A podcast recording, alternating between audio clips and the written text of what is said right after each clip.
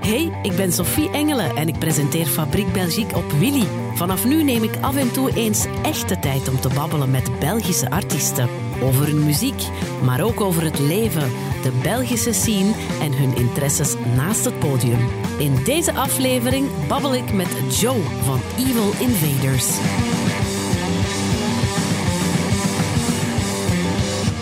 Welkom Joe van Evil Invaders. Hallo. Voor de mensen die aan het luisteren zijn, uh, ik wil even beschrijven hoe geweldig dat jij eruit ziet. Hè. Um, hm. Het is nog steeds winter en je loopt hier rond in je, in uw heerlijke skinny jeans met een, um, een t-shirt met afgeknipte mouwen.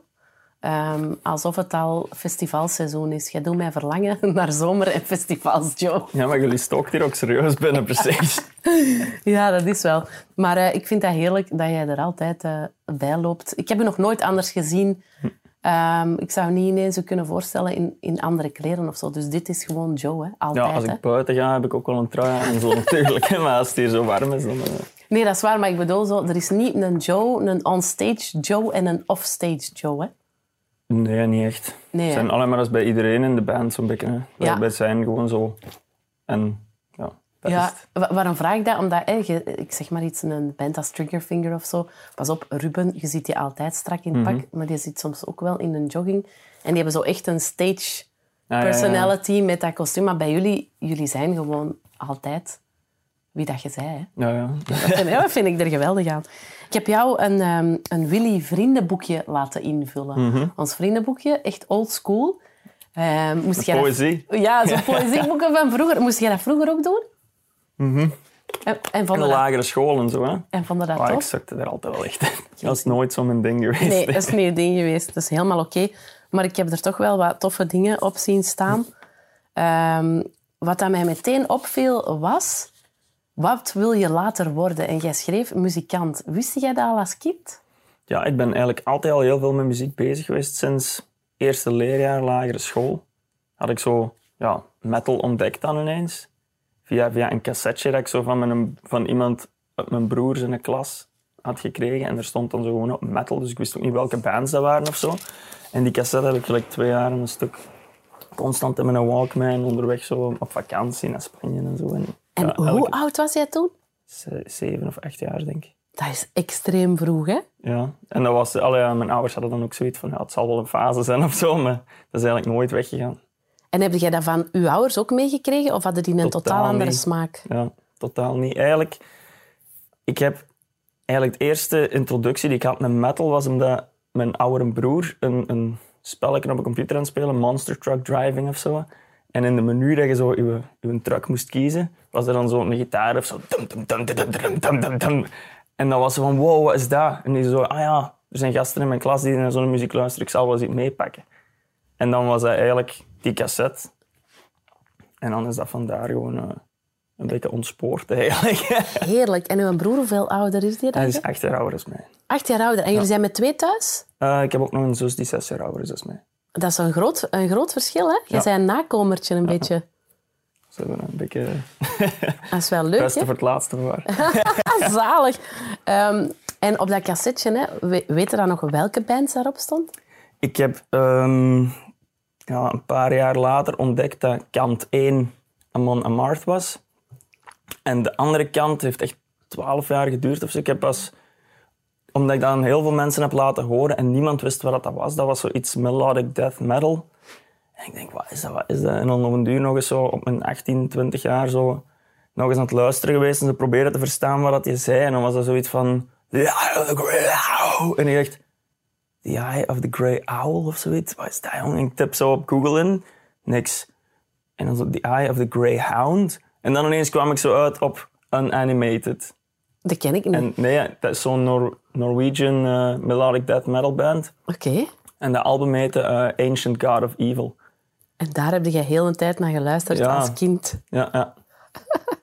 en wat vonden uw ouders er dan van? Dus die dachten, dat is een fase? Ja, allee, die, hebben, die hebben me altijd wel laten doen. En ja. zo. Want ik weet nog dat ik vroeger dan zo...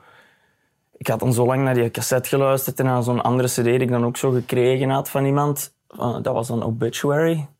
En dan was het... Uh, ja, ik, ik was die een beetje moe geluisterd. was elke dag die twee dings Maar ja, als kind word je iets minder rap als, als- zeker als je niks anders hebt om dat te Ja, er was geen Spotify en Ja. YouTube. En, nee. En dan was dat uh, lang zagen van, oh, maak ik niet nog eens een nieuwe cd? En dan met ons ma naar de cd-winkel gegaan zo. En ik wist ook niet echt dat dat metal heette. Die, dat was gewoon ruige muziek. Dat is al wat ik wist. En dan als kleine, ja, hebben jullie hier ook ruige muziek? En dan moest ik zo, dat was dan een, een extra zone in Mol of zoiets dat dat heette. CD-winkel. En dan kon ik zo nog met een koptelefoon gaan luisteren naar die CD's. En dan gaf die mij zo'n paar CD's mee die van de winkel. Ik nog één was zoiets gelijk Thunderdome of zoiets. En ik zo, nee, nee, dat is die. En het andere was dan ja, ook nog iets anders. En dan ineens was dat zo Dimmu Borgir of zo. En dan ineens, ik hoorde gitaren direct. ah, ja, dat moet ik hebben. was zo. Allee, maar dat, bij die band had ik zo minder een band. Het was altijd zo die obituary en zo, dat is echt blijven hangen. En ook als ik zo die, die unanimated terughoor, dat is echt zo een nostalgie totaal voor mij. En dat is heel raar, want van daaruit, dat is eigenlijk het extreemste wat je kunt luisteren bijna, ben ik meer zo naar van die classic rock en, en Black Sabbath en zo gegaan, omdat ik dan samen met mijn neef door de platenkast van mijn onkel aan het gaan was. En dan was het er eh, Master of Reality van Black Sabbath. Dan waren we die op de LP-speler aan het luisteren en zo als kind. En ja, daar is zo mijn, mijn liefde voor vinyl en zo eigenlijk ontstaan. Ja, want inderdaad, als je dat zo, de band dat je opnoemt, je zei echt met het extreemste Ja, begonnen. Hè? Als kind is dat... Wat denkt je dan? Of wat stelt u daarbij voor? Of wat?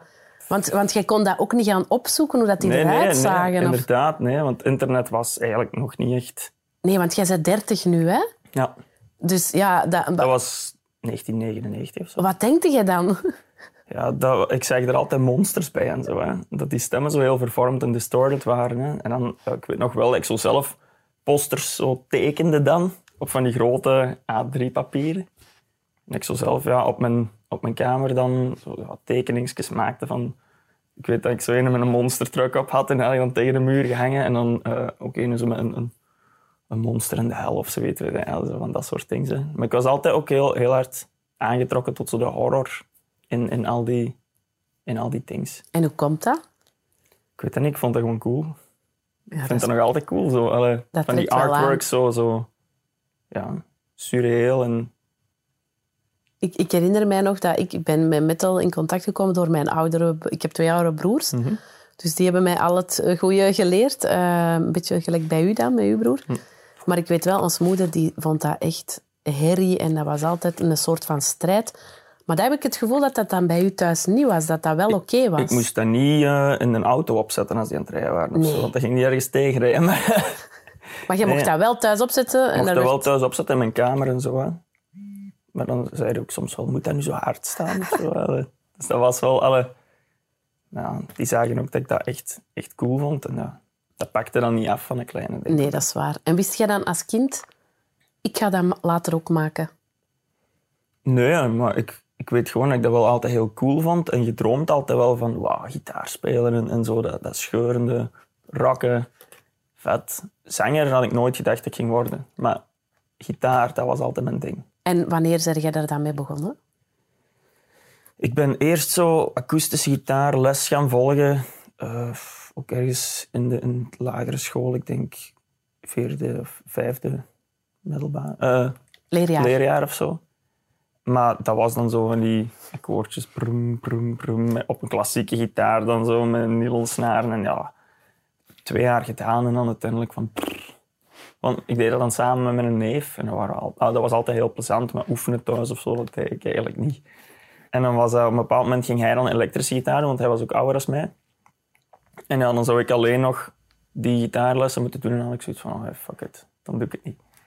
En hij had dan zo een, een jaar of zo gitaarles gehad. En dan begon hij zo dingen van ACDC te spelen. Hè. En dat was van, oh, dat is wel gaaf. Film. En dan heb ik dat eigenlijk van hem geleerd. Om zo wat- dat, dat palm mutes op gitaar en zo. En dan, hadden we, dan zijn we eigenlijk samen beginnen jammen zo in het tuinhuis. Bij ons in een hof.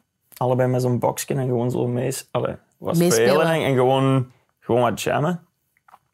Gewoon cool. Ik, ik de rhythms en hij dan de solo's erop. En hadden zoiets van, ah, we zouden eigenlijk een band moeten hebben. Of we zouden met een drummer moeten spelen. En ik had een maat die... eh ja, die zijn oudere broer had een drumstel thuis op zolder staan. En dat was een waar ik in de, in de lagere school al sinds de sinds de eerste kleuterklas bij wijze van spreken tot het zesde, middelbaar, eh, zesde leerjaar heb ik daarbij gezeten. En dan zei op een bepaald moment, dan waren we 14, 15 jaar of zo. 16 misschien. Ja, zoiets. En dan zei ik ook van, zeg, jij hebt een drum staan, hè? leer te strummen. en dan, ja, is goed. En dan zijn we eigenlijk beginnen jammen. Ik en mijn neef en mijn beste maat van het school vroeger. En dan op een duur is dat gewoon Evil Invaders geworden. Dat is, Die dat is bezetting. Ja. die bezetting. Ja, Met z'n drieën. ja een, een bassist er nog bij Ja. gekomen. En dan, allee, dat was echt slecht hè, in het begin. Maar dat is, altijd, dat is nog altijd mijn eerste band waar ik ooit in heb gespeeld. De enige band waar ik ooit in heb gespeeld is Evil Invaders. En die heette toen al zo? Ja, Jij bent met die naam gekomen, want dat is een nummer van een, van een andere band. Hè? ja van eh eh, Razor, Ja. Canadese band. En, daar, en, en dat was een nummer van een titel en dat is wel een heel coole bandnaam eigenlijk. Ja. Dus je hebt één band gehad, vind ik wel een goed verhaal eigenlijk. Ja, dus- Ondertussen is de bezetting wel een paar keer veranderd. Maar zo gaat dat, hè. Je wilt, je wilt dat het dat het beste wordt. Ja, het ding is ook, je merkte ook dat die andere gasten hadden ook een beetje andere prioriteiten en zo. En ja. op een duur groeit dat maar. Allee, ik wou echt verder daarmee en de ene ging dan studeren, de drummer viel weg. Eh, gitarist, want mijn neef kon dan niet meer zo mee, mee volgen ook, omdat ja, die, die had minder tijd om te repeteren Ja. en, en die moest werken en zo van die dingen. Dus jij bent een enige nog. Ja, van Ja, die bezetting Van wel, die ja. bezetting, ja. maar schitterend. Hè? Ehm, je zegt, hè, de rest is gaan studeren, dit en dat. Heb jij, heb jij ooit ook nog overwogen van ik ga iets studeren? Of, of ben jij er meteen volledig voor gegaan? Goh, de muziek? ik had eigenlijk na het middelbaar echt zoiets van, ik wil geen boek meer zien. Schoolmoe. Ja, amai. En dan wou ik echt iets, iets met mijn handen gaan doen of zo. Ja, ja, muziek, daar zat geen toekomst in. Wie, wie zei dat? Wie zei u dat?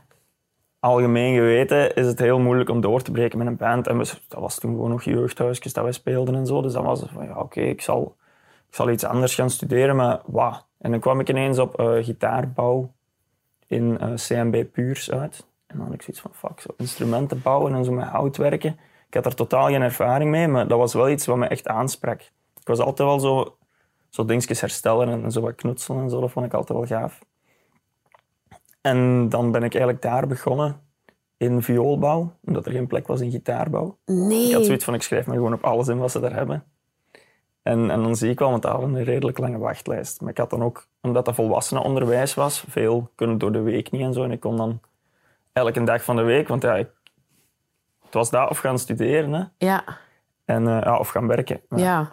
dat, dat, ik had Nee. geen ervaring in niks. Ik, wie gaat mij aannemen, weet ik niet. ja, en op je En dan- 18 zo direct gaan werken. Ja, ja. Dat kan, hè? Dus maar... is in ieder geval... Dan ben ik daar in vioolbouw begonnen. En dan na een paar maanden zeiden ze van ja, er is er ene die komen opdagen bij gitaarbouw. Eh, jij mag doen, want je zit hier nu toch al in school. En dan ben ik daar ook in gerold. Maar dat is toch zot hoe dat, dat soms gewoon zo moet lopen Leuk, en dat dat Chance, allemaal... ja, ik heb heel veel chance gehad in mijn leven. Ja, chance, of jij hebt dat gewoon afgedwongen van het universum, ik weet niet, maar dat moet zo zijn, zo, hè, precies. Mhm. Ja, ja. Ik vind dat heel cool. Ik, eh, dat weet jij niet van mij, maar ik heb dus 15 jaar viool gespeeld. Ah, echt? Ja, gaan. dus en jij kunt de viool maken. Ja. Heerlijk. Ik heb er nog drie liggen thuis. Ah, Schitterend. En heb je er ooit zelf op proberen spelen? Ik heb één jaar vioolles gevolgd, gewoon die strijkstok een beetje te kunnen hanteren en te zien of er effectief iets deftig uit kwam als je er één gemaakt hebt. Maar Dat is niet makkelijk, hè? nee, nee. Het is echt zo die, eh, die Ja, hè? rechte lijn op je op Ja, of, of zo, je vingers moeten echt heel juist staan. Mhm. Of het is vals, hè? Maar ja, dat is bij gitaar nu toch ook wel, denk ik. Hè? hebt frets, hè. Bij Ja. gitaar is het- dat kan in sommige plekken een halve centimeter schillen. Ja, Want je, je moet gewoon binnen Ja. je fret zitten. Maar bij viool is elke... waar. Dat is gelijk fretless bas. ja. Ja, Elke kleine verschuiving die je doet, wordt waar. die toon verhoogd. hè. ik heb Of veel vals gespeeld. Mijn, mijn broers die haten mij daarvoor echt. Maar je speelt niet meer, of wat? Goh, nee, erg hè? Hoe kwam het? Ik weet het niet. Geen tijd meer. Jawel, dat is eh, weinig discipline. Ik zou dan liefst in een band spelen. Ik, ik, heb, ik heb dat ooit gedaan in een band, maar dat is toch het heerlijkste. Ik ben altijd positief jaloers. Hè. Eh, Ja. Ik, vind dat, dat, ik denk dat dat het leukste is dat er bestaat in een band spelen. En gaan Ja, of, of repeteren. en professioneel sporten of zo lijkt mij ook wel heel gaaf. je professioneel sporten? Ik denk dat ook willen doen? Ik heb heel veel geskate vroeger en dat was het eerste wat ik echt wou. Ja, is, is echt gewoon skaten als beroep, skateboarding. Hè? zo op, op skate tour gaan en zo en zo van die dingen. Maar dat is eigenlijk in principe. ja. Omdat, omdat ik kan niet echt veel stilzitten. Ik moet altijd bezig zijn en actief zijn. En dat merk ik nu wel met dat ik heel veel met die band bezig ben. Dat ik veel meer stil zit eigenlijk dan dat ik. Vroeger ging ik elke dag skaten en zo. hè. Je vindt dat minder fysiek met die band? Op podium niet, hè? Nee. En op tour ook niet. Maar als je zo in de studio zit of zo, dan zit de hele dag eigenlijk op je, op je stoeltje. Ja. En dat is wel zo, eh, dan begint het op een duur toch te jeuken om terug. Dus je hebt echt wel ergens een fysieke uitlaatklep nodig. Wat doe je dan? Ga je dan sporten of ga je iets doen? Of? Veel te weinig eigenlijk. Ik ben altijd druk bezig met, nu ook, nu dat die corona-ding is. Werken, werken. Hè. Heel veel gitaren bouwen nu. Werken, gitaar bouwen, herstellen. Maar ik geef nu ook gitaarlessen. Ik eh, ben nu ook bij Van der Heijden Music in Geel, eh, in de muziekwinkel. Daar geef je les. Nee, ehm daar, daar werk ik nu tijdelijk in de winkel ook. Oké, als hersteller dan. Ook, maar ook verkopen. magazijn, onderhoud, eh, verkopen. Ja. Zo een beetje wat er gedaan moet worden. Ja. Maar ja, dus jij hebt het kei druk eigenlijk. Ja, echt veel te druk. Hè. Ja. En dan, maar ja, voor uw mentale gezondheid zou dat wel eens fijn zijn om af en toe eens eh, te Ja. kunnen gaan skaten of lopen Ja, of boksen. ja. Of... Ik heb me zo voorgenomen om zo eens proberen op zijn minst één keer per maand nog eens een dag echt met een maat of zo te gaan skaten. Ja, iets- Eén keer per maand moet wel eens lukken, Ja. denk ik dan. Maar Zou dat nog goed kunnen, denk je? ik ben nu overlaatst nog eens geweest met, met iemand, eh, met een maat van mij, en dan was het ook wel toch meegevallen. En heb je dan... Een Omdat je beetje nu... gelijk fietsen. Ja, maar als je nu zo... Hè, ik heb dat toch, als je een beetje ouder bent, vroeger, dan doe je dat gewoon allemaal. Denk jij dan nu soms na? Als ik een blessure heb, dan ben ik wel gescheten, want dan kan ik niet meer gaan optreden. Omgekeerd. Ik heb nu veel minder schrik als vroeger. Echt? Ja. Wat is uw geheim? Niet denken, denk ik. Weet dat niet. Gewoon doen. En, en ik ben meer in, ja, meer in gevoel dan in mentaal tegenwoordig. dat is En wel heel Vroeger goed. dacht ik meer na over alles. En, en van, oei, als ik nu van die trap spring of zo, eh, hoe ga ik neerkomen? Maar nu heb ik zoiets van, ik zal wel neer, ik moet wel neerkomen, want anders ga ik vallen. Ja. Omge- omgekeerde Ja, ja, psychologie ja. eigenlijk. Dat is wel goed, want dat, dat, dat kan u in heel veel eh, dingen helpen, denk ik. Om, eh, Ik denk dat dat ook gekomen is door zoveel live te spelen Ja. en zoveel in die adrenaline te zitten. Want als Ja. ik live speel, dat is echt met een hartslag.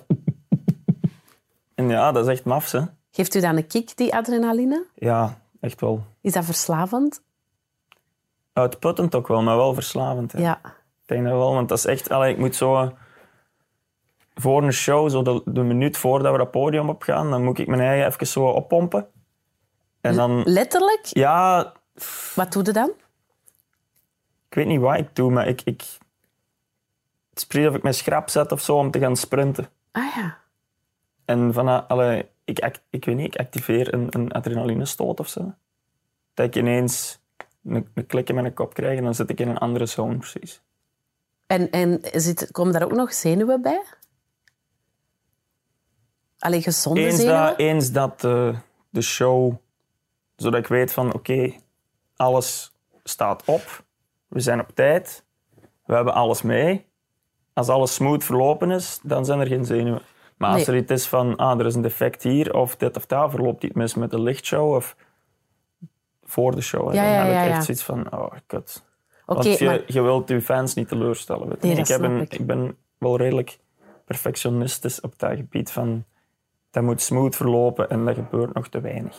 ah ja. Vind ik persoonlijk. Hè. Nou, nou, wat ik, eh, En zeg je dan achteraf ook soms, soms kwaad op mensen van dat moest meer zo of dat, of, of op het moment zelf? Of zeg jij iemand die dan heel hard da- daar ehm, ja, Ja, het ding achteraf is- evalueert? Of hoe moet ik dat zien? Ja. ja, ik wil gewoon weten wat er fout is gelopen. Het is niet dat ik kwaad word op mensen. Als die dan zeggen van, joh, maar dat maakt toch niet uit, dan word ik kwaad. Ah ja. Maar als die zeggen van, ja, dit is misgelopen daarom en daarom en daarom, dan zeg ik van, oké, hoe gaan we ervoor komen dat de volgende keer gebeurt? Want dat mag niet meer. ja. Maar echt kwaad worden op crew en zo, gaat zelden gebeuren bij mij. ja, Omdat ik weet dat, we, dat ja. mijn crew hun best doet. Ja. Nu natuurlijk, als dat tien keer achterin dezelfde fout is, dan ga ik wel zeggen van dit mag niet meer gebeuren. Want sta voor lul als, als die lamp niet aangaat, staan in het donker, bij wijze van spreken. Ja, ja, ja. Ik snap het. Maar, Nee, maar terecht, hè?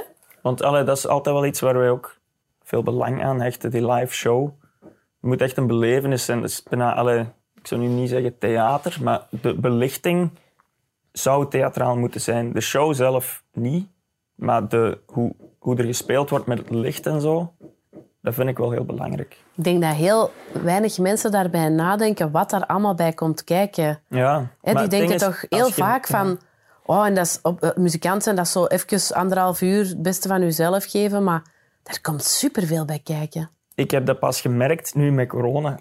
Als Hoezo? Ik, eh, alle, nu dat ik echt een job heb en zo, of, of dat ik ook, als ik, als ik mee ging werken, um, podiums opbouwen of zo tussen tours door. En dan zei ze tegen mij, ja, maar dat is wel hard werken. Hè? Dat is sleuren met, met dingen en op en opstellen en het moet rap gebeuren en die lampen inhangen en omhoog klimmen en dit en dat. En dan kwam ik thuis na een dag werken en dan denk ik van, ik denk dat ik harder werk op tour Ja? uitlaaien, opzetten, soundchecken, merchandise gaan doen. Tot vijf minuten voor de show.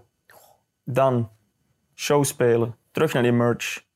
Tegen dat iedereen buiten is, kun je een pint gaan drinken en dan moet je terug inlaaien. En dan is het al drie uur s'nachts. En je komt twaalf uur aan, Smiddags. smiddags pakt of, of elf uur. Ja, jongens. En je maar- hebt eigenlijk pas rust om drie uur s'nachts. zo. En dan, en dan zit je in die bus en die vertrekt en die is aan het rijden. En dat schokt. Ja, En je ligt erin te slapen. Dus je slaapt slecht. Eten hangt van dag tot dag af wat je krijgt. ja. Dus allee, uiteindelijk, dat is niet te onderschatten. Hè. En dat heb ik pas beseft. Ik dacht altijd van, ja, mij, maar zo. hè. Het zijn toch mensen die echt wel hard werken. Maar toen dacht ik, met dat ik andere jobs ben beginnen doen, zo van, ik werk eigenlijk ook wel best hard. Zeker weten. Maar dat had ik nooit beseft, omdat dat, dat is mijn hobby. Ik doe dat graag. En, en omdat je dat zo graag doet, geef je er 100% voor. Ja, je dat is ook beseft wel... niet dat dat een job is, eigenlijk. Nee, nee, en dat is ook wel, gelijk dat je zegt, het is ook wel een job waar dat je heel de tijd aanstaat. Hè? Ik bedoel, wat jij nu net zegt, de merch. Je moet met fans verbinden, eh, En heel tijd roepen, hè. Ja, Want er is een andere band aan het spelen voor Ja. u. En na u bijvoorbeeld ook. ja dat, dat, en, dan, en dan moet jij nog alles gaan geven op podium en dan terug naar die fans. Dus ertussen. jij moet wel heel ehm, sociaal ook zijn. Want als je nu introvert bent van je eigen, dan is dat toch extra energie dat er... eh, Ja, je moogt, je geen... eh, je eigenlijk geen slechte dag hebben. ja, maar die zijn er wel, hè. Die zijn er wel, maar je moogt niet je fans afsnauwen of Nee. zo. Hè? Want dat zijn de mensen waarvoor je speelt. Zeker. Als maar die er waar niet zijn, nu... dan, dan heb je geen show. Hè? Nee, maar stel nu dat jij, ik weet niet, je lief maakt het af of er is iemand overleden, of dat is toch heftig? Deelde dat met je fans? Flik de switch. Nee. Zou jij dat niet delen? Nee. Ik hou me persoonlijk zoveel mogelijk gescheiden eigenlijk. Ja, Omdat ik vind dat, ja, het zijn niet zaken ook niet. hè. En ik ga ook niet beginnen zagen over, maar het is hier kut. Je moet positieve energie Mhm. brengen. Mensen betalen een ticket, komen en die willen opgepompt terug naar huis gaan. Het is niet dat wij depressieve oh, kutmuziek spelen, om het zo te zeggen. De, het gaat vooral om positieve energie en een uitlaatklep voor mensen die bijvoorbeeld met frustraties zitten, dat die even kunnen losgaan dat gevoel hebben achteraf van, man, dat was gaaf. ik word, Het ook was wel, nodig. ik word ook wel echt altijd heel blij en excited als ik jullie live zie. Dat is iets... Dat kun je niet aan, omschrijven aan mensen die jullie nog nooit live hebben gezien, maar dat is inderdaad... Je weet niet waar eerst kijken op het podium. Er gebeurt van alles, die interactie, dat licht, alles klopt, die nummers. Je, je, komt daar helemaal ja, eh, opgewonden en opgepompt en, en zin om... Je kunt de wereld aan. Dus ik, vind dat, ja, ik vind dat wel heel schoon dat je dat ook zo ziet en die positive vibes. Want heb je het gevoel dat soms mensen die het genre kennen, natuurlijk, die weten dat dat er allemaal bij hoort. Maar mensen die het niet goed kennen, daar hoort altijd zoiets van, oh, ga je naar graspop en met al die donkere, depressieve mensen. Maar dat klopt toch niet? Nee, allee, ik merk dat heel veel bij mensen die zo niet in dat genre zijn, die naar verschillende festivals gaan, die gewoon omdat het festivals zijn en die vinden dat cool. Die zeggen ook vaak metalfestivals, omdat daar, allee, ja, dat is rock and roll. Alles Ja. kan. Niemand is eigenlijk echt aan het, aan het judgen. Nee. Weet niet? Dat is zo... Al loopt het daar bij wijze van spreken in een blote rond, mensen gaan zeggen, ha, vet. Ja, Zie dat die is- dude.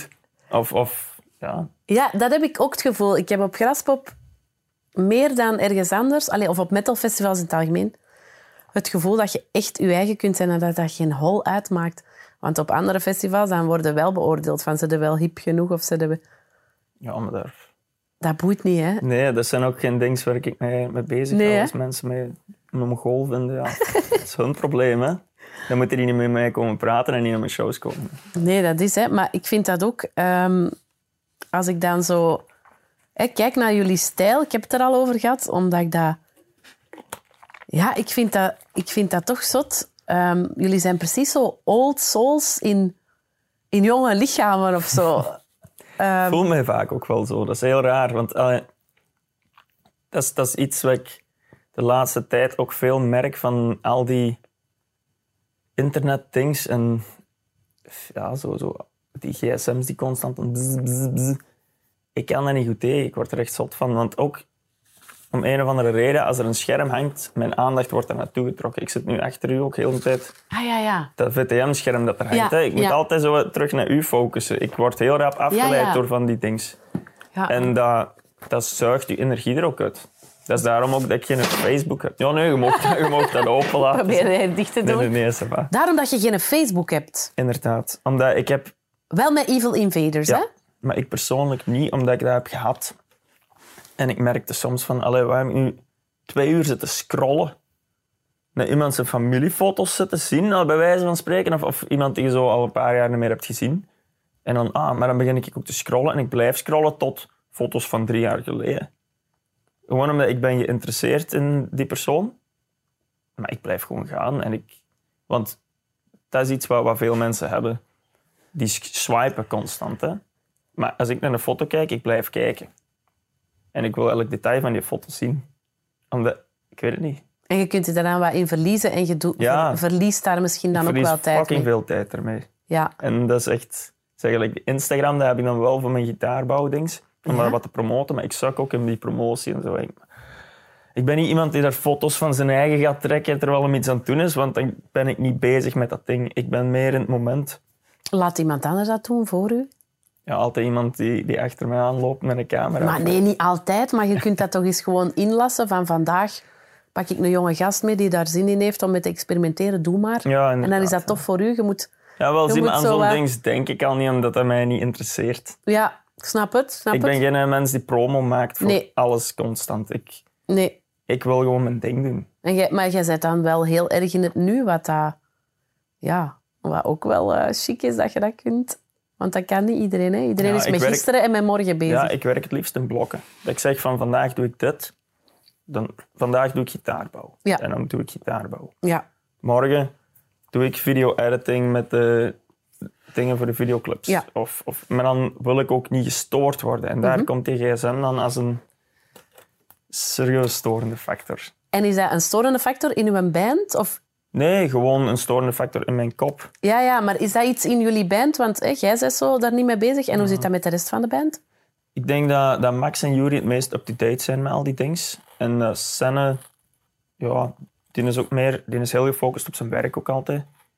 En die is ja, altijd ook met dingen bezig. Ik denk dat Senne en ik meer hetzelfde zijn en Max en Jury in de andere kant een beetje meer. Maar dat is oké, hè, want er Ja, moet ook goed, iemand nodig. eh, Ja, social ja. media en zo doen. Dus Want dat is, ook geen, dat is ook geen boodschap die ik naar buiten nee, wil nee. brengen van wij zijn innoveerders en we vinden internet kut. Nee, nee, dat is niet de bedoeling, hè? Allee, want wij zijn heel dankbaar aan het feit dat zo'n medium bestaat. Want nu, we hebben bij wijze van spreken nog nooit in Amerika gespeeld. Maar ze kennen u wel. Inderdaad, je kunt je muziek gewoon promoten en dat is een zalig. Als je weet hoe je dat medium moet bespelen, is dat echt de beste promo, want je hebt alles zelf in de hand. Ja. Want anders kunnen hebben dat ze je interviewen en dat ze er iets van maken en een foto trekken die, nog, allee, Ja, die ja. op niks trekt. Terwijl nu is het gewoon, ja, stuur maar door via... ja, Allee, je moet geen envelopjes met, met afgedrukte foto's door gaan sturen, bij wijze van spreken. dat heb jij nooit meegemaakt. Nee, nee, ik weet het. Maar, maar dat is ook iets wel, waar hè? ik over aan het denken was. Zo, vroeger toeren in Europa, als dat elke dag een andere munteenheid was. Ja, Dat moet echt zakken, man. Dat is hè, zo. van, ik wil iets gaan halen. Ah nee, dat gaat niet, want ik heb niet juist de geld. Ja, maar ook gewoon met je merchandise. Ah ja, ook al. Dan zitten er aan het einde van het tour met een zak vol munten. dat je denkt van... eh, Daar heb ik nog niet over nagedacht, en waar. boekhouding is dan ook om zeep. Maar ja, het ging wel, hè. Ja, ja, het gaat. Dus- ja. Ik, eh, Ik zou het niet willen doen, maar... Nee, maar ik vind, ik vind het opvallend inderdaad. Volgens mij ehm, hebben jullie al andere levens of zo. Zeker jij, Joe. Jij bent al eens ergens gereïncarneerd of zo. Geloof je daarin? Ik sluit het zeker niet uit. De laatste tijd... Ja, ik weet niet. Ik ben in de laatste... Dat klinkt misschien stoem, hè? Maar ik ben de laatste jaren zo meer mijn buikgevoel over alles beginnen volgen. Gewoon zonder te denken. En dat alles komt goed uit, precies. Ik weet van tevoren al van... Deze gaat werken. Of deze gaat zeker niet werken. Of ik moet dit nu doen, want dat is de juiste beslissing. En ja, Dat dat, werkt heerlijk. gewoon. Ik moet gewoon doen. Niet te veel denken van oh, dit of dat. Niks afwegingen maken. Gewoon, we gaan het doen. En, En gewoon ook- voor gaan. Hoe komt dat? Want hey, je zei 30, dat is niet piepjong, maar dat is wel nog jong. Allee, de meesten hebben die, die inzichten die jij nu hebt veel later in hun leven, omdat ze al, ik weet niet wat shit hebben meegemaakt misschien. Hoe komt dat jij daar, daar nu Ik heb er hebt? geen verklaring voor. Dus Nee. Ik weet niet. Ik heb altijd... Ik denk dat ik, als ik jong was, heel vaak, omdat ik dan moest studeren of zo. Ik zat dan aan mijn bureau en ik wou niet studeren. En begon ik naar buiten te kijken en zo wat te dromen. En ik denk dat ik nu met heel die corona-dings meer tijd heb gehad voor gewoon eens te zitten en te staren en niet te denken. En dat je meer in je eigen, eigenlijk soort meditatie die ik eigenlijk automatisch altijd heb gedaan, denk. Want als je zo, er was op Netflix zoiets van mindfulness of zo. Mijn vriendin was er naar aan het zien en ik was mee aan het kijken. En ik denk, logisch, ja, ja. Allee, dat doet je toch automatisch? Niet iedereen. Nee. Nee. En toen is, dat, toen is dat een beetje doorgedrongen tot mij van, tja, ik moet dat terug... Ik deed dat vroeger altijd en nu doe ik dat niet meer. Omdat ik zo in een rush constant van hier naar daar en op. En nu moet ik echt zo soms eens niks doen. Ja, Gewoon één ding of helemaal niks. Dat is eigenlijk wel een hele goede tip. Ook voor mezelf zo. Denken, vandaag ga ik dit afwerken. En vandaag doe ik dit. Want ik, ik heb ook het gevoel soms dat ik met Ja, honderd zeker dingen je- tegelijk bezig ben. En dan doe je ja. niks goed eigenlijk. Nee, en als je de luxe hebt van je eigen baas te zijn, bij wijze van spreken, als je geen vaste job hebt, dat je er moet zijn om dat uur en dit en dat, gewoon eens te volgen wat je lijf zegt. Als je wakker wordt en je zegt, vandaag wil ik echt niks doen, Dat is ook prima. doe dan eens ook niks. Ja. En een dag nadien ga je twee keer zoveel gedaan krijgen. En je haalt dat wel in. Zwaar. Allee, je moet er nu geen drie dagen achtereen doen, maar soms is, dat, soms is dat al twee uur even gewoon gaan zitten en staren naar de wolken of zo. Ja, Zoiets dwaas, hè? ja ik, Maar, uh, ik dat- volg jou. dat herordent je, je hersenen of zo. Ik weet dat niet. Voor Ja? mij toch. Ja, ik vind, dat- ik vind Alles valt dan zo terug op de plek waar het moet zitten, terwijl je constant met dat geschreeuw, gelijk nu met een gsm was ook er bzz, bzz aan het doen, dan zit ik zo even uit die focus Mhm. met dat gesprek hier. Ja, ja, ja, ja. En dat... Ja, ik weet niet, ik vind dat wel cool om zo soms gewoon weg te zonen. Ja, oudzone. Ja, Ja. ik vind het vind het een goeie. Ik, ehm, ik ehm, ben mega fan van jullie nieuwste single, In Deepest Black. We speelden die van de week. ehm, hoorde ik hem op de radio. Op jullie uiteraard. En ik dacht, hoe, hoe is dat? Een soort van ballad. Ehm, waar ik elk woord in versta. Ehm, dat is iets nieuw voor Evil Invaders. Hè? Die, die, die een ballad, zo echt terug naar de Ja, classic rock. Was, dat, eh, was dat ook iets dat jij voelde, dit moet ik nu doen? dat was iets wat ik altijd al had willen doen, maar nooit precies de skills had om te, te goed te doen.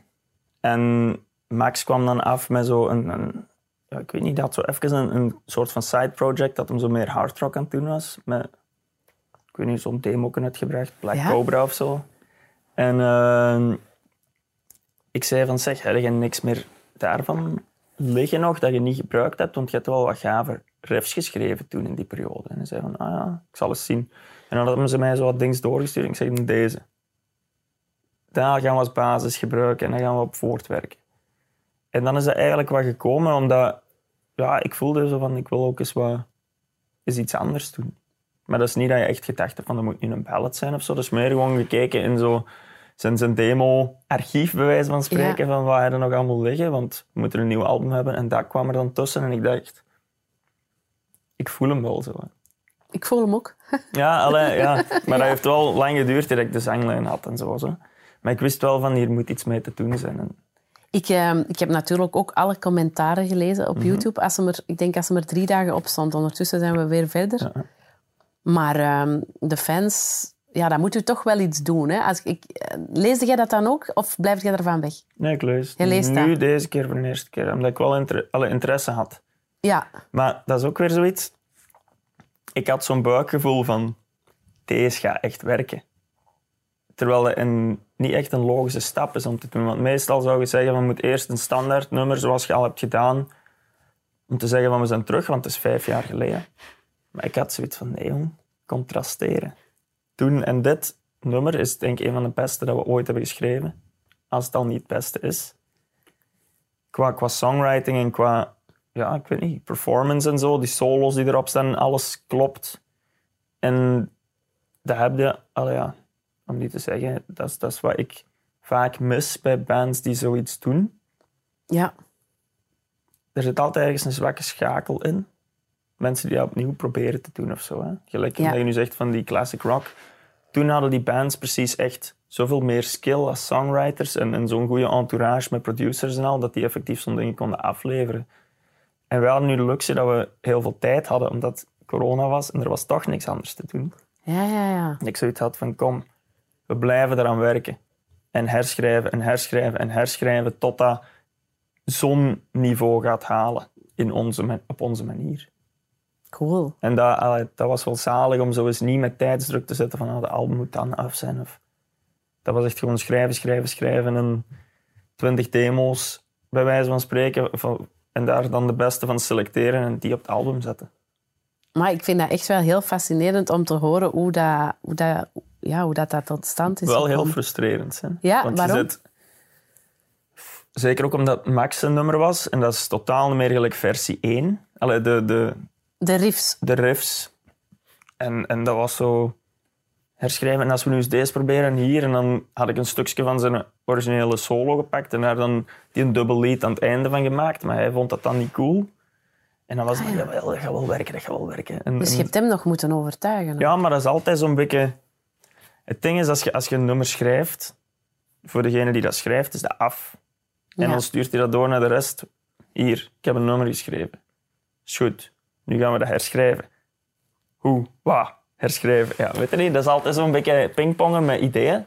Tot, en je ziet dan uiteindelijk wel dat, dat, dat er goals gescoord worden. Om zo Ja, en die hebben misschien eerst het gevoel van oei, is het niet goed genoeg, zodat. Ja, dat niet per se, maar zo van... Ik vond, het begin was precies beter, Ja. maar dat is omdat je dat al duizend keer hebt gehoord Ja. zelf, voordat je dat doorstuurt naar iemand met een objectieve opinie dan ineens. Ja. En dan hebben we onze versie gemaakt. Hebben die met een producer nog eens heel dat proces gedaan. Wie pakken jullie dan als producer? Eh, dat is nu de eerste keer dat we met een producer hebben gewerkt. Eh, en dat was ehm, Francesco Paoli van Nou. Flash God Apocalypse.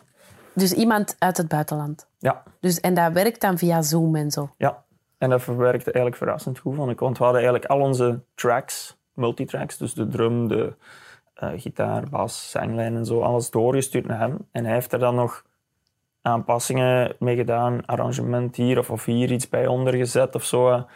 Ja, en dat was eigenlijk echt wel cool om zo eens te, nog eens een objectief Amai. input van buitenaf te krijgen. Maar natuurlijk, voor Max was dat al de zestiende keer dat dat nummer aan het opnieuw recorden was met een beetje anders hier en een beetje daar. Dus Ja. op een duur werd hij ook zot, hè. Maar hij is wel blij. En ik, ja, ja, ja, uiteindelijk is iedereen wel content, maar dat is gewoon een frustrerend proces, omdat dat, dat is een nummer dat je...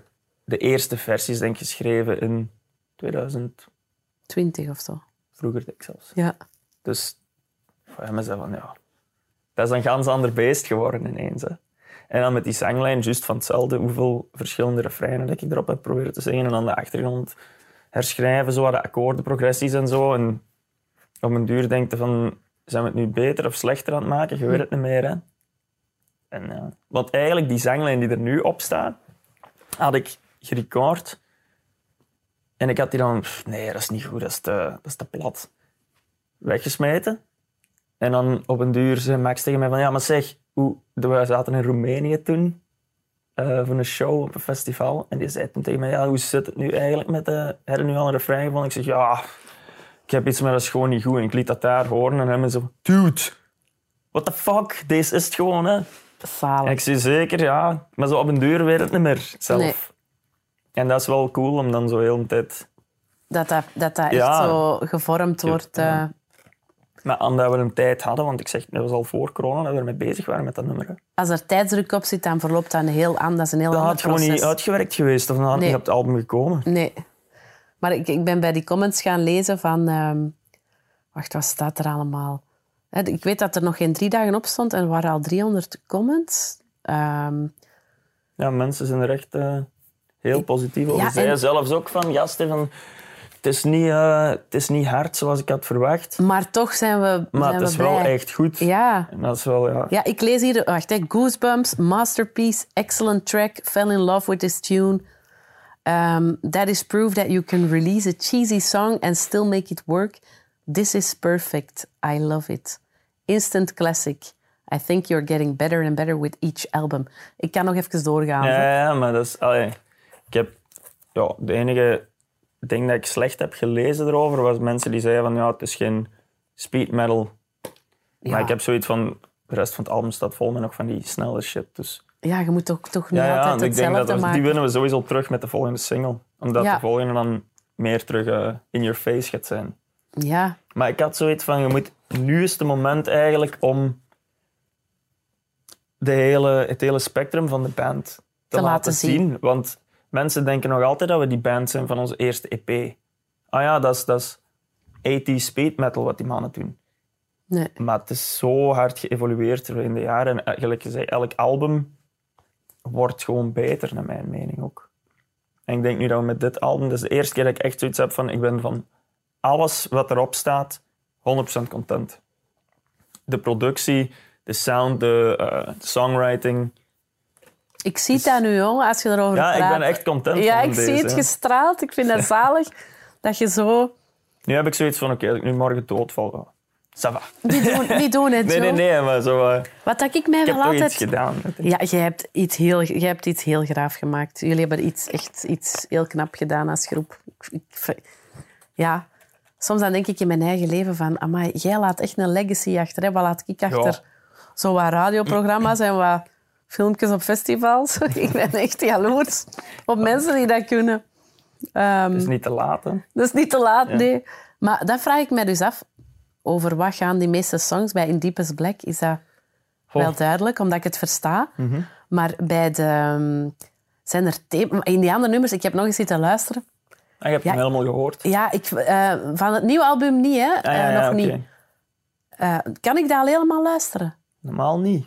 Als Nee, alles, eh, als alles Ik heb alleen In Deepest Black Ik denk gehoord. dat alleen zo de pers die reviews moeten schrijven. Ja, maar zo de vorige albums bedoel ik. Hè? Dan, dan vraag ik me af, komen daar dan thema's in? Ja, ik versta het niet altijd. Ja, hè? ja, oké. Eh, Het en- gaat snel, hè. ja, Ja. En het is ook extremer gezongen. ja. Ik ben ook wel, allee, daar heb ik ook wel heel veel uit geleerd door altijd te luisteren naar mij en ook te denken van ja. Maar misschien is dat ook helemaal niet belangrijk, want ik voel Jawel, mijn vibe. teksten zijn wel belangrijk, maar het is inderdaad, je kunt nu, je tekst moet ook kloppen, dat moet een verhaal zijn. Als je zegt van, als je een, een tekst vol woede hebt, ja, dan moet die ook bruut gezongen worden. Ja. Jullie zijn met Evil Invaders echt al op zotte plekken geweest in de wereld. Hè? Eh, je schreef zelf dat uw favoriete plek Brazilië is. Ja. Daar hebben jullie een tour gedaan, Ja, dacht ja, ik.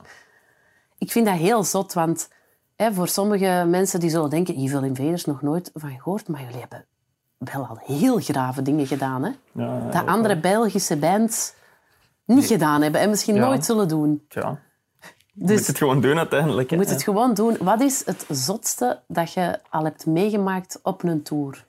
Ik vind het altijd moeilijk, hè, want ze biedt ga ik weer aan dingen denken, maar nu zo het zotste. Je mocht dat ook subiet zeggen, hè? maar dat... Ik kan me inbeelden dat je op landen komt, ehm, in landen komt waar dat ja, gewoon cultureel is dat al zo'n grote shock. Plus, metalpubliek, dat weet ik gewoon, dat zijn echt toegewijde fans. Hè? Dat is het meest toegewijde publiek dat je kunt Ja, hebben. Zeker, ja, in Brazilië en zo, dat was echt alles Zuid-Amerika. We hebben daar verschillende landen gedaan. We hebben Argentinië gedaan, Paraguay en Brazilië. Maar dan was het heel vaak zo eh, vliegshows. Hè. Dus, Wat dus zijn van, allee, omdat dat zo'n grote afstanden zijn die je moet doen daar door heel Zuid-Amerika, was dat spelen, vliegtuig op, vliegen, aankomen, twee uur slapen, up naar de volgende show. Dus dat was echt kapotmakerij van tijd ook wel. Zo. Weet je dan nog Maar- waar dat je zei? Nee, totaal niet. Allee, ze zeggen wel van, ah, dat is de stadnaam. Op de map zo weten van, ah, dat is daar en dat is daar. Pff, totaal niet. Maar ja, gewoon die, die mensen daar zijn echt... Dat is nog heel anders dan hier. Hè. Je merkte dat nu, ja, nu, de laatste show die hebben we gespeeld op Alcatraz, merkte dat wel dat mensen zo heel hongerig waren omdat er zo lang niks geweest was. En dat gevoel had je daar op elke show in, Wauw. in Zuid-Amerika. Omdat er, die zijn niet zo verwend als wij, dat er vier shows elk weekend zijn en je kunt kiezen of je nu naar Judas Priest, Aerosmith of Iron Maiden gaat kijken. Weet je niet? Ik zeg nu maar iets, hè. Daar is het zo, als er iets komt van metal, komt elke gast die naar metal luistert, of het nu hard rock, eh, heavy metal, black metal, death metal, gothic, die komen allemaal erheen omdat het gewoon metal is. En er is niks anders te doen voor het komende half jaar misschien. En die gaan allemaal zot. Ook al kennen die hun nummers niet. Dat is echt gewoon een uitlaatklep voor die mannen. En dat is echt heel gaaf om te zien. Nu natuurlijk we er ook van tijd echt super shitty backlines en zo. Dat, dat, we, dat hebben we een keer gehad. Wat bedoelde met shitty backlines? Backlines zijn mensen die... Nee, backlines zijn eh, de, de amp waar je over moet spelen. Want je kunt al je spullen niet meepakken als je Ah. constant moet vliegen. Hè. Dus het enige wat we bij hadden waren gitaren en zo wat pedalletjes. Daar heb ik nog niet over nagedacht. En Senna had dan zijn... zijn eh, ik denk zelfs dat hij zijn cymbalen niet bij had. Dus dat moet dat dus op niet. materiaal spelen vandaar. Ja, En dat kan echt slecht zijn. de ene dag is dat keigoed. En een andere keer speelde hij ergens bij wijze van spreken in een favela, waar dat ze dan een drumkit... Dat we letterlijk een drumkit... eh, omdat de kick, als Senna speelde, die ging gewoon... Die dobberde naar voren. Hebben we daar een touw rond moeten binden en die aan de, aan de vloer moeten nagelen. Zodat dat toch maar op zijn plek blijft staan. En zo van die dingen. Of dat... We hebben ene show gehad. Dat was echt zo super vette vibe in het publiek en zo. Iedereen was echt zot aan het gaan. We zijn aan het spelen. En dat begon met Max, deze amp begon gewoon te roken. Die was gewoon in de fik geschoten terwijl het spelen was. Oh shit, shit. En iedereen dacht, oh, special effects Ja, nee, is Invader. dat. Een andere versterker. Dus ja, soundcheck om zeep. Want ja, nu moesten ineens met een andere versterker spelen. Ja, maakt niet uit, gewoon rock and roll doorgaan. En eh, speelt voort, pats, snaar over. Maar ja, hij had geen reservegitaar, dus je moest dan weglopen, maar de show moest doorgaan. Dus dan was ik, Yuri en Sennen aan het spelen. Maar op een bepaald moment, die drumkit, die, eh, zijn cymbaalstatieven waren ook zo los aan het trillen. En begonnen die cymbalen zo te vallen. Dus heel die drumkit was uiteen aan het vallen. En dan was het gelijk, eh, het- ik denk het derde laatste nummer dat we aan het spelen waren. En ik pak mijn microstatief en ik doe zo'n scream. En met dat trek aan die micro, krak de kabel over. Dus ik had ook geen geluid meer. En dan is zoiets van, ja, oké. Dit allemaal in ene show. ene show. Dus heel dat ding was gewoon, heel dat podium werd gewoon letterlijk afgebroken. En waar was dat? Dat was ja, ergens in Brazilië. Ja. Vraag me niet meer. Dat is allemaal zo een... En worden dan, wo- eh, zijn dat dan flexibel in uw kop of worden dan pissig? Nee, dat was, dat was gewoon te grappig op dat moment. En dan smijt dat dan even de kant in en ik deed dan een stage dive in het publiek. En iedereen vond dat kei vet dat alles kapot ging. Want dat was echt zo van, wow, dude, die breken alles af. En ik spring in het publiek, want ja, ik kon eigenlijk niet meer spelen, want alles was kapot.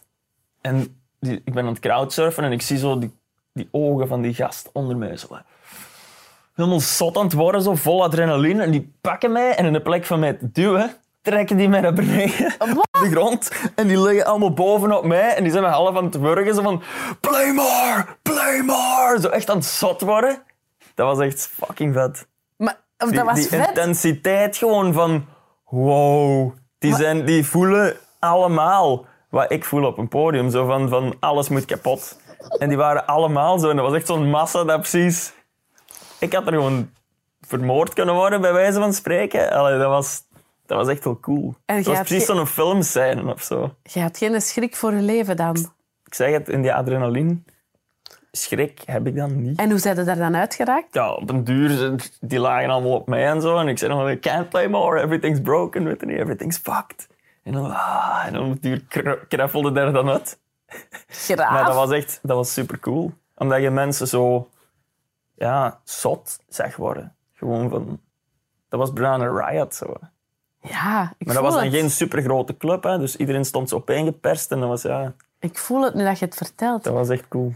Heel die tour, dat was precies of je zat in een film. Zo'n Ja. Tarantino-movie of zo. Ja, zo klinkt het wel. Dat was echt cool. En zijn er nog zo dingen dat je, dat je hebt meegemaakt dat, je, dat bijna onmogelijk is om aan iemand uit te leggen die er niet bij was? Dat we zo in een, in een auto zaten.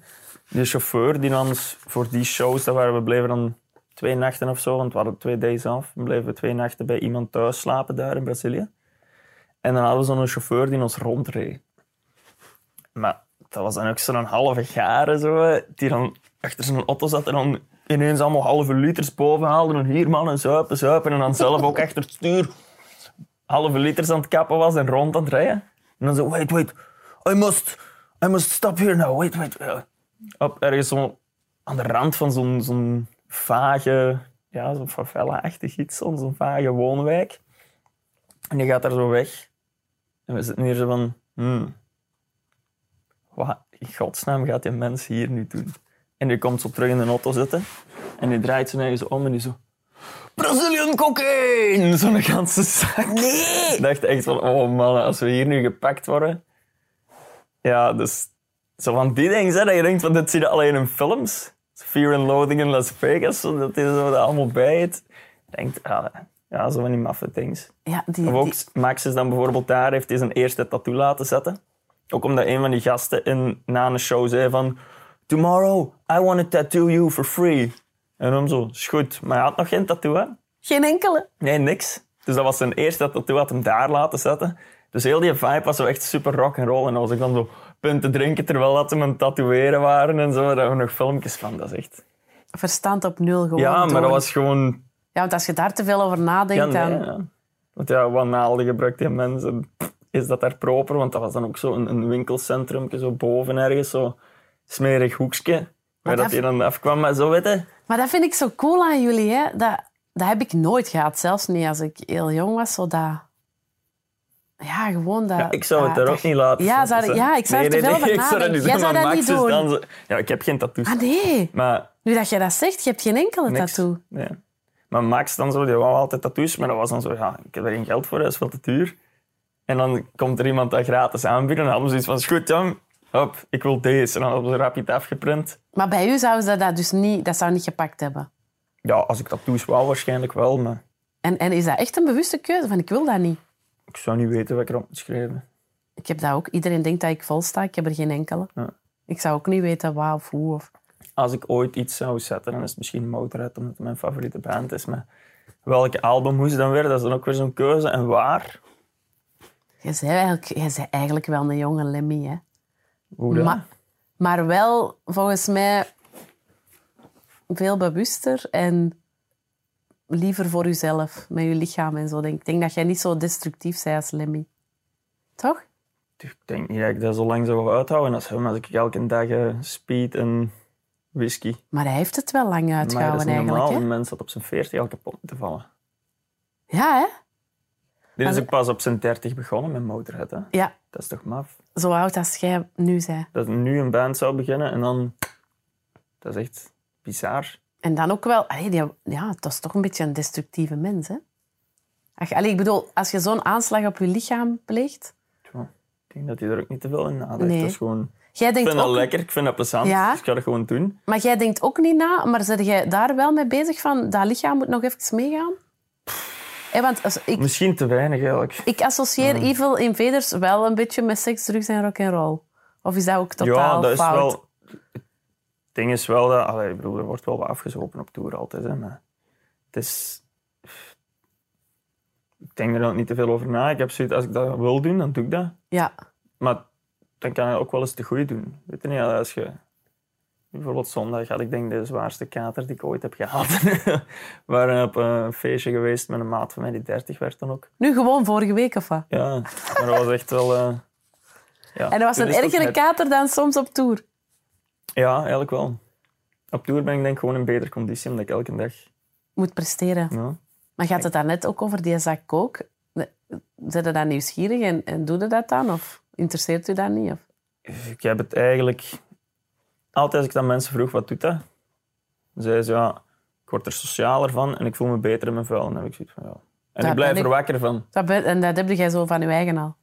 Eigenlijk, Ja, ik val nooit in slaap. Dus nee. Dus dat is niks voor u.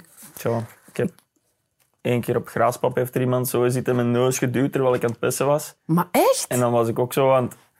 Ja, dat was zo... eh, ik stond eigenlijk gewoon... Dat was zo de afterparty in de Metal Dome, denk ik. Of, zo. Nou, of wel vroeger op een dag. Dus ja, je ziet er cool uit, man. Hier, jong. En die stikt zo'n sleutel in zo'n zakje en je duwt dat in mijn neus. En dan is ook gewoon gezegd, al wat staat. En dan... Allee dan, eens proberen. Maar ik heb er eigenlijk niet veel van gevoeld. Dus dat was waarschijnlijk ook maar... Brol of zo. Maar pff, ik heb er geen behoefte aan om, om zo'n... Om die kick op te zoeken. Nee. ik kan mijn eigen genoeg triggeren, denk ik. En, en als ik zat ben, dan is het ook al goed. Ik snap dat. eh, Ik ben ook zoals jij. Ja, bij mij is het eerder uit controle verliezen dat ik zo wel lastig vind. van, Dus ja, maar- dat maakt me niet zoveel uit. Nee. Dat is erger voor de mensen rond mij, denk ik. Ja. ik kan me dat inbeelden. Ehm, wat ik ehm, heel cool aan jullie vind... Jullie, ja, jullie zijn best wel groot in uw genre. Maar als je zo denkt, hè, in de Belgische scene... zijn er nog altijd heel veel mensen die denken... Oh, nog nooit van gehoord. Mhm. Omdat je er niet, hè, misschien niet in zit. Heb je soms het gevoel dat er ehm, jaloezie ehm, komt? Van, hè, want als een band dan plots meer, zoals jullie, in de spotlights komt... dan is het ook weer niet goed op zijn Vlaams. Zo van... Hè, eh, eh, Ik heb dat rechtstreeks nog niet gemerkt, nee. Nee. Maar er zijn Soms altijd gevoel- haters, denk ik. Ja. Maar ik, ik ben ook niet zo actief op social media, dus ik zie dat hè? ook niet. ja, En als mensen er achter mijn rug zeggen en zo... En dan vriendelijk doen in mijn gezicht, dan wordt dat ook niet waar. Hè. nee, Maar ik heb nooit echt aanvaringen met mensen gehad of zo. nee. In de, in de metal scene, zo... Jullie gunnen elkaar dat wel allemaal. Ja, ik heb zeker geen, geen jaloezie ten opzichte van andere bands of zo. Want ik doe wat ik wil doen. Ja, En zolang je zelf gelukkig bent met wat je doet, moet je ook niet ergens anders gaan zoeken. Hè. show, jongen. Je zei, Ja, alleen, nee, ik kan zo, ik, je bent een soort van goeroe of zo, vind ik. ik vind dat heel fijn.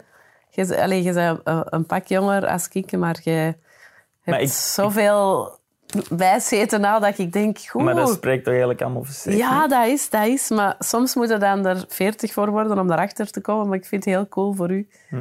Dat je zo, hoe, hoe dat je in het leven staat eigenlijk. Tja. Eh, je ik hebt heb ook... gewoon geluk. Hè. Ik, heb, ik heb nooit iets van shit meegemaakt of zo. Dus Ah ja, ik heb denk alles... dat dat zo wel... Ik denk, ja, dat is Ja, zeker. en een, ik een heb happy, nooit... gelukkige jeugd. Een... Ja, ik heb... Ik kan me niet inbeelden een moment in mijn leven dat ik echt zei van nu ben ik ongelukkig. Ja, ik, je hebt wel altijd een sterfgeval in je familie Mhm. of zo. Dat heeft iedereen, hè. dus daar moet ook niet over zagen. Nee, maar Dat- geen dat is- fundamentele... Nee, ik ben nooit echt iets tekort gekomen. Ik heb ook nooit te veel gehad. Nee, Dus ik denk dat allebei... Ik denk dat ik gewoon een heel gebalanceerd leven heb gehad, altijd. dat is cool. En dat, dat ik daarom niet eh, jaloers moet zijn op andere mensen. Nee. Zeg, en u, Gewoon relativeren. jij zei net, je hebt een vriendin. Volgens mij zijn, jullie ook aan verbouwingen bezig geweest, was Ja, dat niet? ja, ja. Ehm, dus dat is zo een heel andere kant. Een beetje meer het, het settle. eh Mhm. Vinden dat dat, dat dat goed samengaat? Van, ik, heb, ik heb mijn eh, wild toerleven en ik kom dan thuis in een soort van veilige haven. Is dat belangrijk voor u? Goh, het is, het is gewoon cool omdat ik nu echt een, een kamer in mijn huis heb waar ik gewoon mijn muziek kan doen. Ja, En ik kan me daarin afzonderen, helemaal. Ik word niet lastiggevallen door niemand. ja. En ik kan daar... Buren hebben ook nog niet geklaagd tot nu toe. En ik Nee. heb een hele album daar opgenomen, bij wijze van spreken. nice. Ja. Dus Maar hoe, hoe staat zij daar tegenover als je zo... ehm, ja, die, die, die wilde verhalen, je hebt daar zo'n idee van, van toeren. Ik ben zelf nog, nog nooit mee echt op tour geweest, dus ik kan me er wel bij iets bij voorstellen. Maar speelt daar dat parten van, oh, wat doet je daar? Of, dat is inderdaad wel moeilijk voor haar. Inderdaad. Van, allee, ja, hoe zou ik zelf zijn? Hè? Als je... Iedereen wil met mij op een foto. En er zijn soms ook eens andere mooie vrouwen, vrouwen. bij of zo. Ja. Hè? Maar ja, dat is, meestal is dat gewoon, die komen af, hey, foto, up, en die zijn terug weg. Kunnen jullie daar gewoon over communiceren van... Je moet je geen zorgen maken en... Allee, Ja, ja. Dat is Ja. wel, allee, ik zeg ook altijd van als je iets niet oké vindt of zo, zeg dat direct. Ja. Krop dat niet op. ja, ja, Want op een duur ontploft er een bom. Dus we communiceren heel goed en we kunnen altijd zo'n ding uitpraten als er iets is. Want dat is altijd gebaseerd op een misverstand of ja, het is vooral ook lastig voor haar, denk ik, omdat als ik weg ben, valt heel het huishouden op haar schouders. En ze heeft dan ook een fulltime job. En denken jullie ooit aan, aan kinderen of zo? Of, eh, Ik denk heel wel dat ik dat niet wil hebben. dat is helemaal Nee. prima, hè? En zij ook, alle, daar, volgen we, daar vinden we elkaar wel echt. hè. Ja, We hebben twee katten en dat is al genoeg, dat is al goed. genoeg voor- werk. Ik moest nog denken aan uw verhaal van eh, Brazilië. Dat ze u hè, meepakken naar ergens met je zak kookte. Die behandelen u wel echt als rocksterren. Hè? Je wordt daar in die landen zo nog meer op handen gedragen dan hier, heb je In gevoeld. Japan is dat ergste. Ja, dat, denk ik, dat dat echt hoor ik. Maar jij zegt wel van uzelf, heb ik ergens gelezen, wij zijn geen rocksterren. Maar je zet dat wel, hè? Voelt niet zo. Maar In Japan Ja. dan wel. ja, misschien. Of mensen bezien ons toch zo. Dat Vind je kan. dat dan awkward dat mensen nu zo op een pedestal zetten? Grappig soms, maar als dat te lang duurt, is het wel vermoeiend ook, denk ik. Ja. Zo van, allee. Ah, dat is leuk, hè.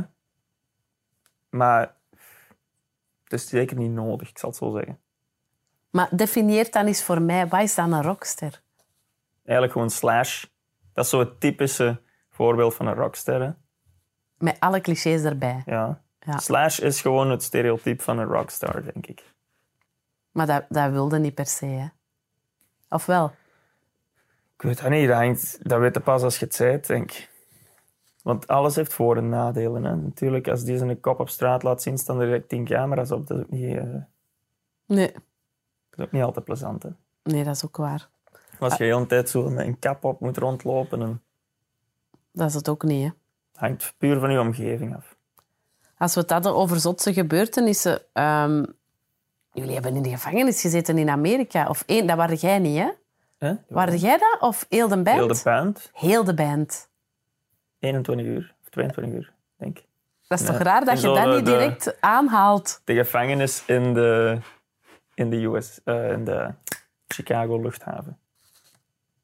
En hoe komt dat dan niet direct in je opkomt als je denkt over zotste Ja, gebeurtenissen? wel, ja, dat werkt dus niet. Dat zeg, ik- dat zeg ik van, ja, ja, juist, dat is ook gebeurd. Ja. Maar Jullie alles gingen spelen op Ehm, South by Southwest? nee, nee. eh, fuck. Milwaukee Spring Bash. Oké. Daar waren we de headliner, denk, of co-headliner, op de eerste of de tweede avond, ik weet het al meer. En de headliner voor de andere avond was dan Loudness uit Japan. En allebei de bands, dus wij en Loudness, zijn allebei teruggestuurd geweest. Dus die mensen, festival is helemaal in het water gevallen. Dat was echt verschrikkelijk voor die. En wat was er nu eigenlijk gebeurd? Eh, we hadden ons geïnformeerd in verband met visa's. Hè. Hebben we een werkvisa nodig of niet? Want anders is het niet de moeite om te gaan, want dat is veel te duur en dan schieten we er veel te veel bij in. En dan hebben we gezegd, maar wacht, je moet pas een werkvisa hebben als je geld verdient daar. Dat is wat ze ons zeiden.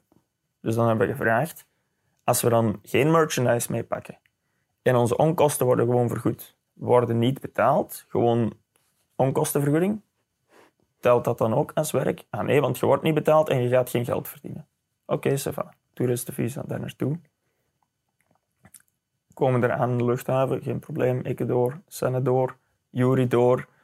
Ik en Senne stonden al in de, buiten, want hij was een sigaret aan het roken. En samen met een chauffeur die ons naar het festival ging brengen, eh, aan het klappen en zo, aan het zwansen. En, oh ja, het wordt keivet. En vandaag gaan we pre-party doen en dan mocht je de hele avond gratis suipen op café. En dan morgen is het festival en dan gaan we de laatste dag sightseeing doen en dan terug naar huis. Ah, is goed, vet, vet. Ineens kreeg ik telefoon van Yuri. Ja, ik ben hier aan het wachten op Max, maar ik zie juist dat hij hier aangehouden wordt. En ze komen nu ook naar mij. Dus kom maar terug, want ik denk dat ze jullie ook gaan zoeken. Godverdomme. Wij terug, ja, wat is het probleem? Ja, jullie mogen niet door, want je hebt een werkvisum nodig omdat je hier gaat spelen. En dan heb ik gezegd, ja, maar we gaan hier geen geld verdienen. Hij zegt, ja, maar die kerel die dat festival organiseert, gaat wel geld verdienen aan ticketverkoop. Als jullie werknemers als werknemer niet betaald worden, is dat niet ons probleem, maar jullie hebben wel een werkvergunning nodig. Vingerafdrukken, dingen ondertekend van ik heb de wet overtreden in Amerika en ik ben levenslang verbannen van het ESTA-visa. En dan, oké, volg mij nu maar. Schoenen uit, riem uit, trui uit. En hier eh, in deze cel. En dat was echt zo'n typische film setting cel. Zo ook, hè. Vierkante kamer, tegels, hotelbuizen. Kei ongezellig licht. Een wc-pot. Een wc-pot zonder deur. Dus als je daar aan het schijten werd, zag iedereen je zitten. En iedereen rook ook alles. Oh my god. En dan zaten we daar. Zo'n vies matje op de grond. Dat was er echt, dat was niet eens goed gekuist. Hè. Zo die tegels. En dan was er zo... Ik, ik ging dan op dat matje liggen. Zo precies zo'n... zo'n gelijk wat je in de sportzaal vroeger had in de lagere school. Zo'n matje zo. hè. En dan kregen we zo'n zo'n pakketje met een, een tekentje. Wat dan eigenlijk gewoon zo... Je weet wat ze over de lijken smijten langs de autostrade. Zo, zo die zilverpapieren dingen, precies zo. Met daarin eh, een, zo'n servet geplakt, precies zo. Oh my god. Dat was ons teken. En dan, ik ga zo liggen, ik kijk naar die muur en dan zo'n hele veeg bloed of kak, ik weet niet wat het was. Oh my Dat is van, wauw, oké. dus dat was echt wel een belevenis, om het zo te zeggen. Zo'n een camera in elke hoek van de kamer. En dan zo... De deur had zo'n klein vierkante raampje. En ik ging dan zo kijken door dat raampje. En dan zag je zo'n typische dikke flik. Met zijn voeten zo. En dan zo naar de camera's aan het zien. De donuts waren er juist nog niet. Maar die was zo naar die camera scherm aan het zien. En op dat camerascherm zag ik mijn eigen zo staan langs achter.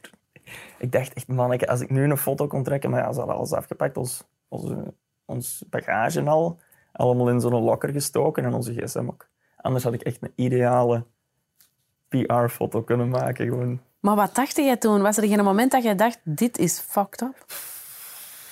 We hadden zoiets van, ja, volgende vlucht terug, hè, maar dat was 22 uur.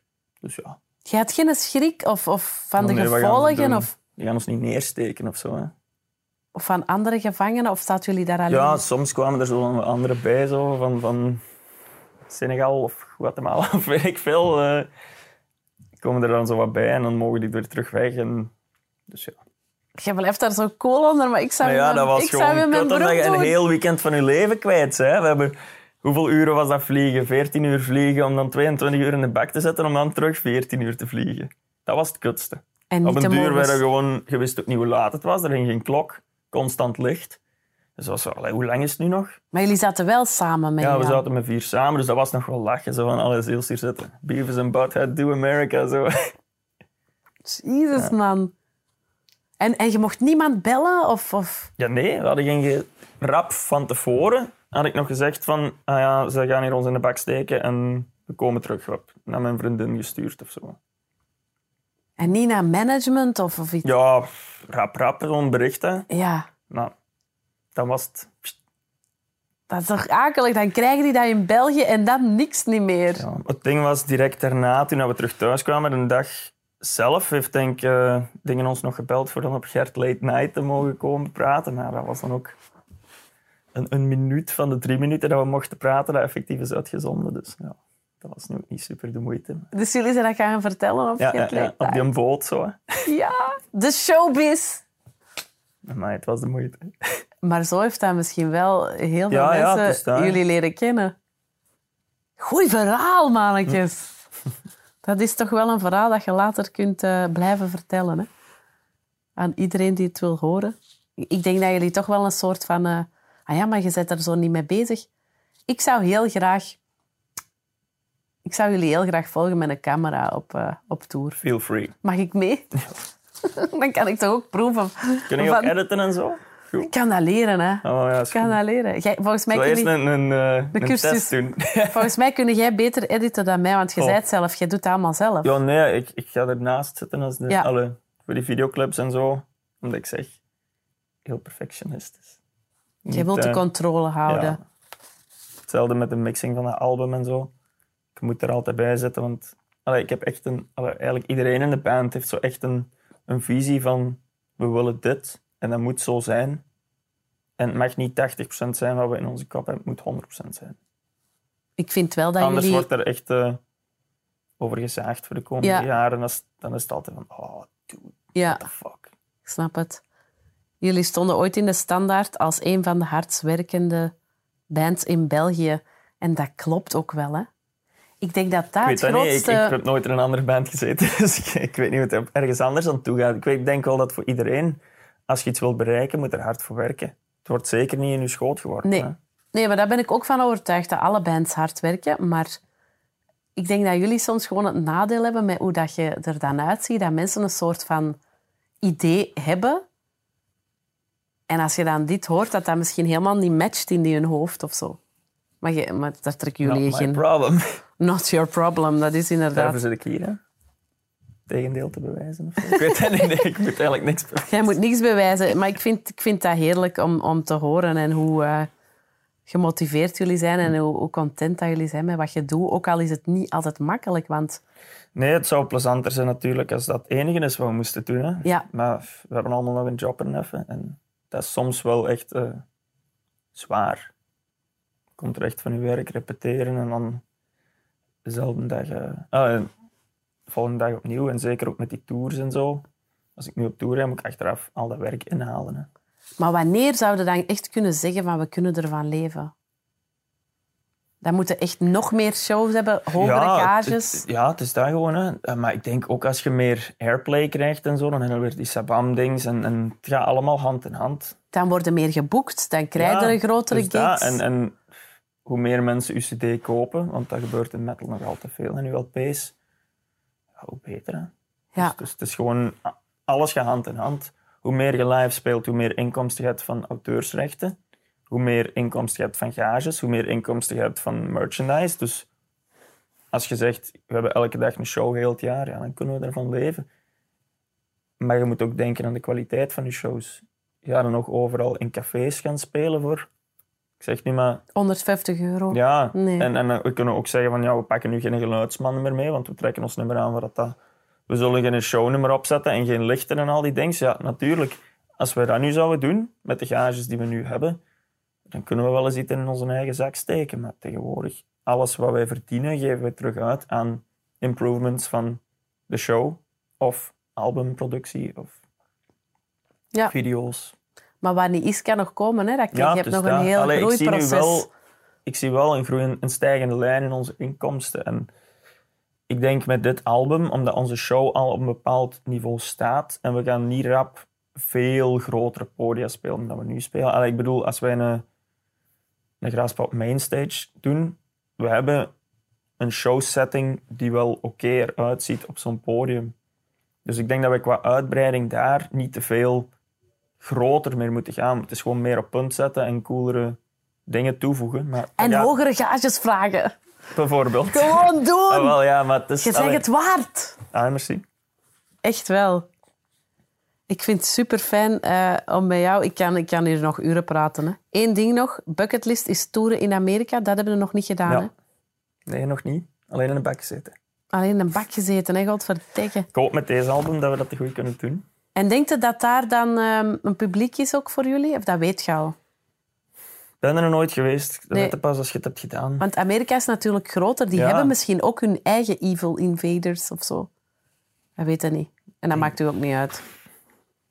Dan gaan dat gewoon beter doen als die. Dat is, hè.